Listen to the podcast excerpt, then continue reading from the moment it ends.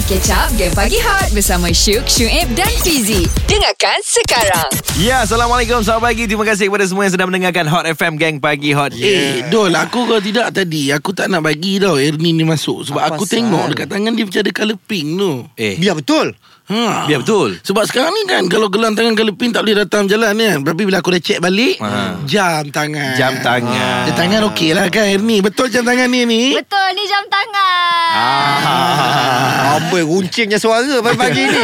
High pitch tu Nyantai Ah, bertenaga lah hari ni. Bertenaga. Kenapa, kenapa bertenaga?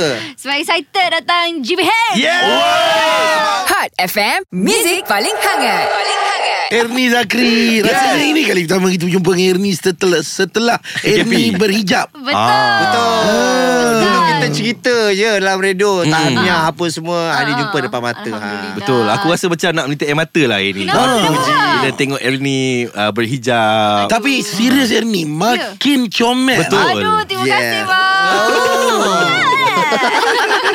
Okay guys. Ernie Zakri hari ni datang dengan lagu baru Ya. Yang bertajuk Boneka. Puppet. Yes. Bukan boneka seperti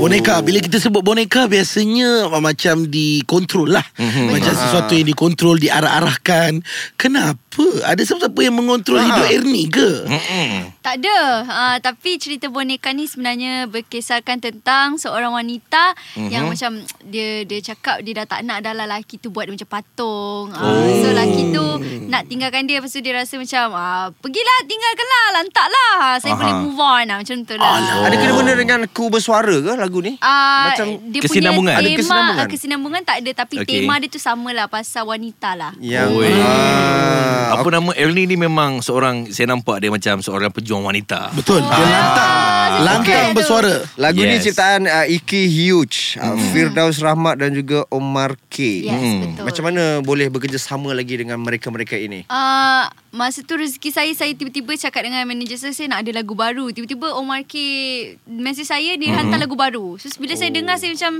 Bestnya. rasa, rasa sedap. And then dia kata uh, Bila Bila diorang buat lagu ni Bertiga diorang memang Teringatkan saya lah. Oh. Rezeki lah Rezeki saya lah Memang nawai tu tu nak bagi Ernie lah Ah, dan saya macam saya dengar saya terus suka sebab saya suka liriknya, saya Hmm. suka sebab uh, saya rasa saya suka menceritakan kisah-kisah yang semua mungkin ada ramai di luar sana yang hadapi. Yang relate lah Ah, toxic relationship ah. macam Gen- tu lah. Genrenya apa sebenarnya? Dia dua dia macam saya boleh katakan dia more to pop-pop yang R&B macam tu lah. pop Tapi lah. tapi dia tidak tidak ke arah R&B sangat lah. Hmm. Dia lebih uh, senang untuk didengari lah. Hmm. Oh. Toxic relationship Aku Betul. suka dengar tadi Kenapa, uh, Ernie Zakri pernah terlibat tak Dengan toxic relationship Awesome ke pagi korang Kalau tak layan Game Pagi Hot Takkan So dengarlah Syuk, Syuib dan Fizi Pagi ni kita bersama dengan Ernie Zakri Dengan lagu barunya Boneka Bukan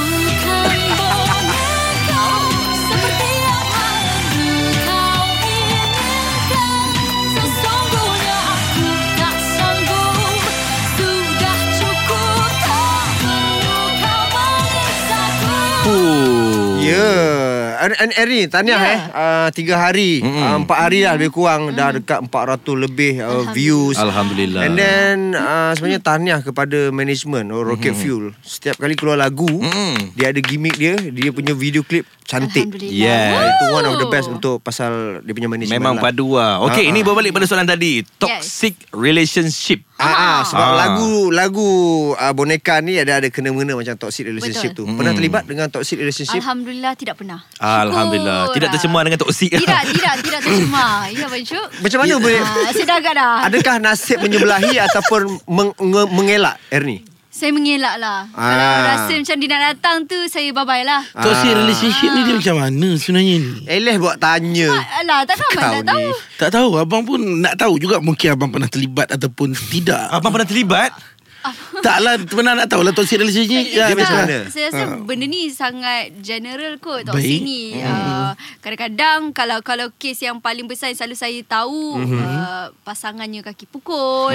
Tapi dia still masih lagi dalam relationship tu hanya disebabkan sayang. Oh. lah. Itu antara yang saya tahulah toxic-toxic ni. Ataupun mungkin uh, Okay Sayang pasangan tu Tapi Hmm. Pasangan yang disayangi itu Adalah milik orang Betul juga. Pun toxic juga. Boleh jadi. Ah. Mencintai suami orang ke Macam tu Isteri orang ke yeah.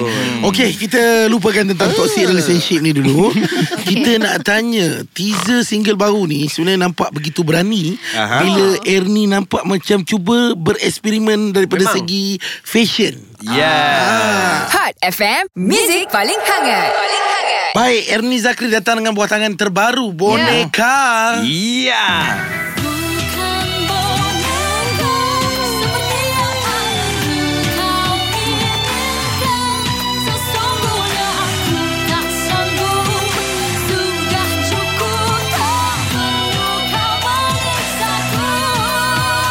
Baik, kalau kita tengok dalam boneka kali ni, Ernie Zakri Boneka kali ni? Ah, dalam lagu boneka kali ni, Aha. Ernie Zakri macam cuba bereksperimen dengan fashion. Mm. Ah, so siapa yang bagi konsep idea macam tu, Ernie? Adakah hanya apa, apa konsep itu adalah untuk video klip ataupun macam mana? Ha.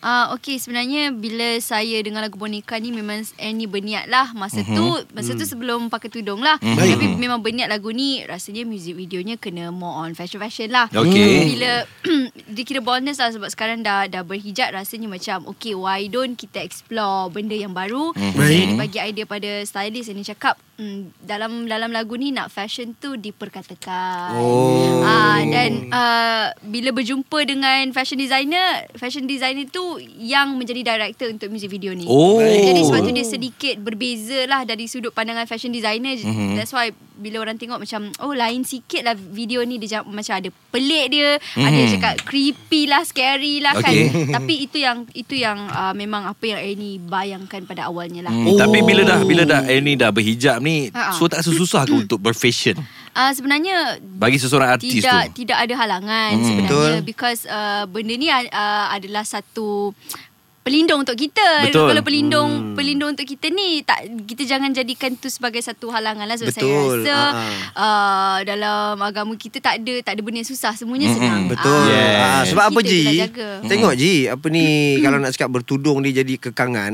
Yuna dah sampai overseas Ji. Ya, betul. Sampai Setuju. oi, worldwide kau. Worldwide. Tahu Boleh tak je apa? bertudung. Tak buka-buka pun. Ni Lofa punya branding tudung dia sendiri Yes. macam mana pergi? Yes. Tak ada halangan. Tak ada halangan. Islam tu kan mudah. Betul. Yeah. Itu daripada segi uh, penampilan pula lah. Hmm. Dol, kita nak tanya pula baru-baru ni bulan Jun Ernie sambut uh, birthday kan?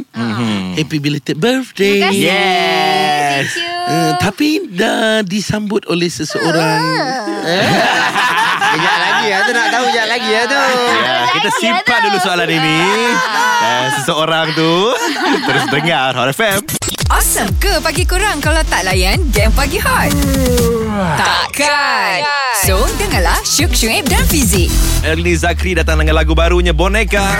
Bukan boneka seperti yang kau inginkan Lagu ni hasil ciptaan Iki Hyuk, Firdaus Rahmat dan juga Omar K. Betul. Baik, baik, Yes. baik. Okey, Yeah. Dol, aku nak tanya kau lah Dol eh. Tanya aku pula. Ah, Aku bukan guest hari ni. dah, memang kau bukan guest. Tanya pandangan. Okey. Biasanya hari jadi, engkau nak sambut dengan siapa? Orang yang tersayang. Orang yang tersayang Ah. Orang yang istimewa Betul. Takkan orang-orang biasa Nak sambut hari jadi Betul. kita kan Ah, ah. Ah. Kau mesti nak relatekan dengan birthday 23 hari bulan lepas. Betul Yes. Dol Hmm. Kelihatan sosok Syamel di situ Yes. Ah, Lepas tu ada yang menitis air mata guys. Terharu katanya Ah. Korang ni macam mana ni ni? Awak peminat-peminat semua ramai tau mendoakan. Mendoakan yang baik-baik untuk awak berdua. Ah. So bila Ernie nak kongsikan berita baik tu Cik Ita, Cik Ita. Ah, okay, saya ni sebab saya ni dah berumur 28 kan. Lah, 28 dah ke? 28 dah bang. Nampak macam 16. Oh, thank you. okay, 28 tahun jadi Aha. uh, apa sekarang untuk boleh dikatakan tahun ni it's time untuk saya fokus pada keluarga saya sebab Fokus pada keluarga. Fokus pada Keluarga. keluarga ibu dan bapa saya. Ah, ya. Sebabnya ba- senang cerita barulah merasa benda ni dalam 2 3 tahun. Jadi okay. kenalah jaga parents dulu kan. Hmm. Jadi Betul, betul. dan bila soal soal perkahwinan apa semua, Hmm. of course lah kita nak berkahwin tipulah tak nak. Ha, betul tak bang? Betul. Ya, Ha. betul lah. Kami dah berkahwin. Oh, yeah. uh. Cumanya uh, bila dengan siapa, di mana kita nak buat, semua tu akan diberitahu Eh, kejap. kalau confirm Kenapa Dul? Sekejap. Kenapa? Dia Apa cakap- yang kau perasan, Dia Dul? cakap bila, dekat mana, Ah. dengan siapa. dengan Bila siapa. di mana, di Betul. mana Okey, nak bila di mana tu mungkin kita macam oh okey secara general. Tapi kalau macam dengan siapa tu pun dia tak bagi tahu macam Oh, oh. Tapi dia macam tahu ni. Tapi Alah. best lah jadi saya punya celebration tu. Best lah. dia punya tutup cerita ni. So ini agak-agak uh, nak menamatkan zaman bujang ni bila usia 28 ke ataupun 29 29 30 ke? ke? Kalau Ha. boleh nak 26 hari tu. Okey. Oh, dah Tak terlepas. boleh. 26 tahun tak boleh dah. 26 tahun ke 26 hari bulan lepas? Tak, 20 tahun 26 Masa umur 26. 26 Okey, okey. Tapi dah terlepas 2 tahun lepas Aha. uh, Kalau ada rezeki Itulah saya Bawah tunggulah 30? Jodoh-jodoh Oh, saya 30. ha, ha. Mm-mm. Bawah Ah. 30 kalau boleh nak Ah, Ah, semuanya yalah mana tahu mungkin 29. Mm-mm. Amin. Amin. Silap-silap muka 28. Tahun ni maksudnya. Tahun ni. Lagi jimat. Amin. Jimat. Ah. Sekarang ni kahwin jimat. Yes. Kami sentiasa doakan yang terbaik untuk Amin. Reni. Itulah Dan. Syamil. Hot FM, Music paling hangat. Paling hangat. Apa khabar kawan-kawan yang sedang mendengarkan Hot FM di stesen bas taping ha, 90.5 FM sambil-sambil pakai uh, face mask tu kan ha, tunggu bas Yeah. pakai uh, he, uh, Walkman earphone Ah, hari ni pun mesti dah ada orang start balik kampung. Ah. Yang mana on the way balik kampung tu. Erni macam mana Erni? Uh, Aidil Adha kali ni balik kampung Syamil ke kampung Erni? Eh, eh kampung apa ni soalan lah, aku ni? Apa ni bang? Coy, coy. Balik mana? Balik mana? Saya akan balik ke Melaka Kampung arwah nenek saya Weh, Melaka, Melaka ke tang mana? Tang mana Melaka? Melimau, Melimau Melimau.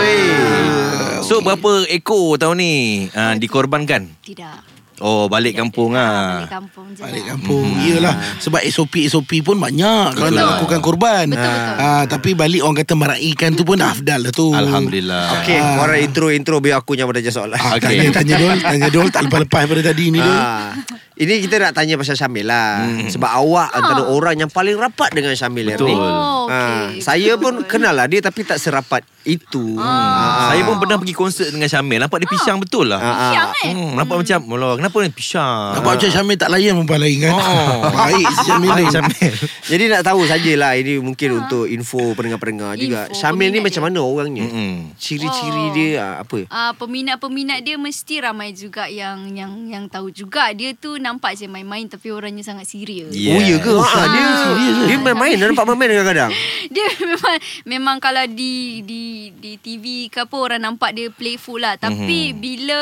uh, kalau berbincang soal kerja ke apa kita akan Serius. tengok dia ni oi Mamat ni serius lah Takut lah Kadang-kadang jadi takut macam Oh. ah, Jangan main-main lah Dengan dia Pasal urusan kerja Urusan kerja Okey. semua Urusan Ah. kerja Ah, nak tahu Urusan juga kerja. urusan kerja eh. Okey, urusan kerja tu okey selain tahulah pasal Syamil pun ada buat lagu, Okey. buat Ha, lirik apa betul, semua kan. betul. Dia sebenarnya ke arah situ saja tu ah, ke arah situ saja ataupun ada benda-benda lain dia buat lagi. Ah, Business ke? Business ke apa Wow, ke? kau Ada tanya tak? peribadi Syamil dengan tak, eh, tak ini untuk orang dengar macam oh dia lagi rasa dekat dengan Syamil. Ah. Saya rasa Syamil tu dalam proses untuk buat bisnes katanya dia. Wow Ah, dia kata nak buat bisnes kita doakan lah insyaAllah. Amin. Mana tahu Yelah, kan? Tapi dia dengan rumah cerita tangga kamu. kan, Dia dengan cerita dah Buat satu company sama-sama kan Mana ada? Tak ada ke? Tak ada lah. Cerita Macam mana kau dengar tu Ji? Itulah Okey ni nak tanyalah Alang-alang ah, Sebab eh, ni pun kawan Syamil Yes Syamil macam mana dia dengan perempuan lain? Adakah dia macam dia macam pernah ada uh, awet lain ke? Sebab a- aku sebenarnya pernah nampak juga Syamil ada keluar dengan Eh aku tak pernah tengok lah macam tu Kenapa aku cakap bila Syamil ada keluar dengan perempuan ketawa macam "Ah!" Kenapa buat ketawa fake tu? Uh, dia kalau orang orang tengok dia dia tu be nice being nice with everybody. Okey, Yes. Erni pernah Ya. tengok Syamil keluar dengan perempuan lain? Tak, selain daripada mak dia. Ah, daripada mak dia. Ah, dengan adik-adik dia. Ya. So dah tahulah eh. yeah. Kau nampak muka dia dah, dah merah-merah sikit tu kalau aku tahu kalau aku cakap kata aku ada gambar Syamil dengan perempuan lain mesti dia minta nak tengok. Dengarkan Game Pagi Hot setiap Isnin hingga Jumaat jam 6 hingga 10 pagi bersama Syuk, Syuib dan Fizi.